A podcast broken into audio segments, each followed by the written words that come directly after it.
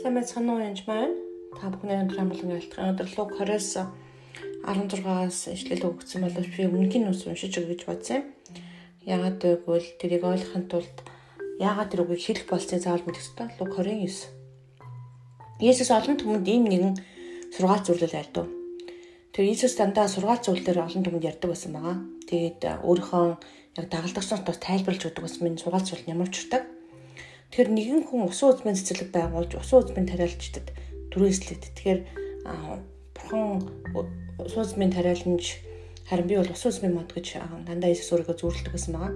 Та нар харин бидний миний мөчөр гэж надтай холбоотой байвал та нар их чим сургуулах олно гэж хэлдэг аа. Тэгэхээр энэ удаа бол харин нэгэн усан үзмийн цэцэрлэг усан үзмийн цэцэрлэг байгуулж усан үзмийн тариалчдад түрээслээд удаан хугацаар холын аянд гарчээ. Тэгээд урууц хураах цаг болоход тэр усан үзм авчруулахаар тэд рүү боолоо явуулжээ. Гэтэл усан үзмийн тариаланчд түүнийг зодоод гар хоосон буцав. Тэр өөр боолоо явуулсан тэд бас л түүнийг зодод дормжлон гутаагаад гар хоосон буцаажээ. Тэр гурав дахьыг нь явуулахад тэр боолоог зодож гэмтээгээд хөө явуулжээ. Тэгээд усан үзмийн цэцэрлэгийн эзэн би яах вэ? Би өөрийн хайртай хүүгээ явуулъя. Тэд түүний минь хүндлэх байх гэв. Харин усан үзмийн тариаланчд хүүг хараад эн чинь өв залхамжлагч байна. Түүнийг нь алчи хөрөнгө нь биднийх болно шүү дээ гэж өөр хоорондоо зөвшөлдсөд тэд түүнийг усан үзмийн цэцэрлэгээс гарган хайж алжээ. Тэгвэл усан үзмийн цэцэрлэгийн эзэн тэднийг яах вэ? Тэр ирж усан үзмийн тариаланчдыг хөнөөгөөд усан үзмийн цэцэрлэгээ өөр хүмүүст өгөх болно гэжээ. Үнийг сонсон хүмүүс тийм юм хизээч бүү болог гэцгээхэд Есүс тэднийг хараад тэгвэл барилгачдын голсон чулуу булангийн талбар чулуу болов гэж бичсэн ямар учиртай вэ? Тэр чулуу дээр өнөх хүн бүр хідэн хэсэг хэмрэх бөгөөд Хиний дээр энэ чулуу унана тэр хүний шороон мэт бутаргна гэж айлдав. Яг энэ үед хуулийн багш нар хийгээд дахлах тахалч нар түнд гар хүрхийг завдсан ч ард олноос айв. Учир нь Иесус сургаалт зүрхлэлийг тэдний эсрэгт айлдсан тэд ойлгосон ажээ. Тэд түүнийг ажиглан зөвхт мэт дөрүсгэн эсгэгч туршуулгуудыг түүн рүү явуулав. Ингэсэн түүнийг үгэн дээр олцлон барьж дахичийн эрх мэдэл тушаа солихтой байв. Тэгэхээр энд байгаа Иесус бол булангийн чулуу гэдэг дээр гологцсон чулуу булангийн чулуу болов гэж. Ингээд дуулал зурган дээр энэ ишлэл байдаг. Барилгачдын голсон чулуу булангийн тулгуур чулуу болов. Э өөрийгөө барилгачдын голсон чулуу гэж хэлж байгаа. Гэт эдэд тийм боловч барин булангийн тулгуур чулуу шүү гэж хэлж байгаа. Тэгээ тариалтанч буюу бурхан эзэн цорын ганц хүүгээ явуулахад харин тэнд байгаа хүмүүс түүнийг алнаа гэж хэлж. Өөрийнхөө алахыг бас энэ тийш үзэлгээр болно сургаал зөвлөлөөр хэлж өгч байгаа. Тэгээд хэрэг тэх юм бол уц үзмийн тариал шиг хөнөөгөөд уц үзмийн цэцлэг өөр хүмүүст өгөх болно гэж хэлсэн байна. Тэгэхээр энд маш сургаал зөвлөлөөр ярьж байгаа зүйлийг мэдээж зөнд явуулсан болоод нишүүдлөгч гэдэг юм уу янз янзын тайлбартай байж болно. Тэгээ альва нэг библийг уншихдаа тайлбарыг мэрэгүү ухаанаар ойлгох хэрэгтэй.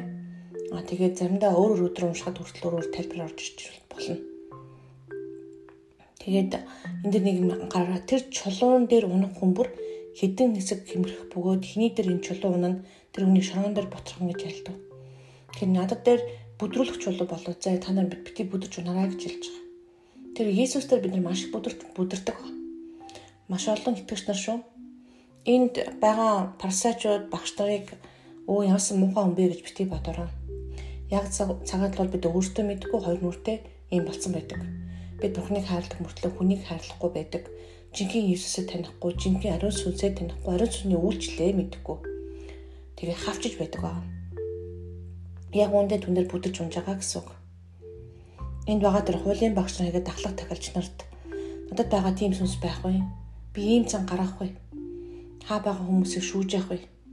Зовж байгаа хүмүүсийг шүү шүүхийн хоронд туслахын хоронд шүүж байх дээ.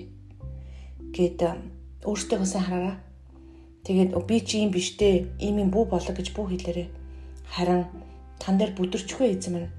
Надад тан дээр бүдрэх юм юу вэ? Таны таалал нийцэхгүй юу вэ? Янз бүрийн хор торхоо энэ байна. Ус үзмийг бодыг идчихээр янз бүрийн байна. Бүгдийг та илчилж өгөөч. Эзэм минь ээ гэд.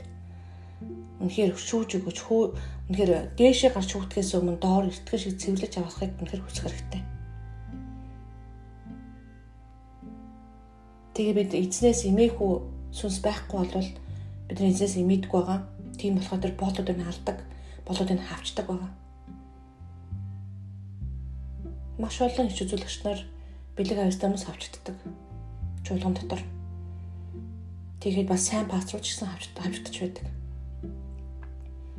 Тэгээ эзний хүмүүсийг хавчиж байгаа хүмүүс нь яг үнэндээ энд гардаг шиг итгэгч буюу Библийг сайн мэддэг хүмүүс байгаа.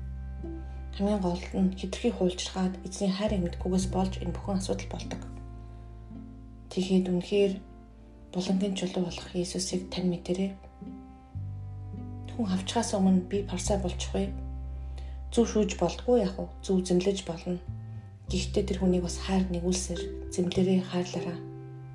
Тэгээд хайр нэгүүлсээр тэр хүнд үйлчлэрэй гэж хэлмээрээ. Тэгээ министр байгаа парсаа юм хойд нүртэй сүнс байх юм болов.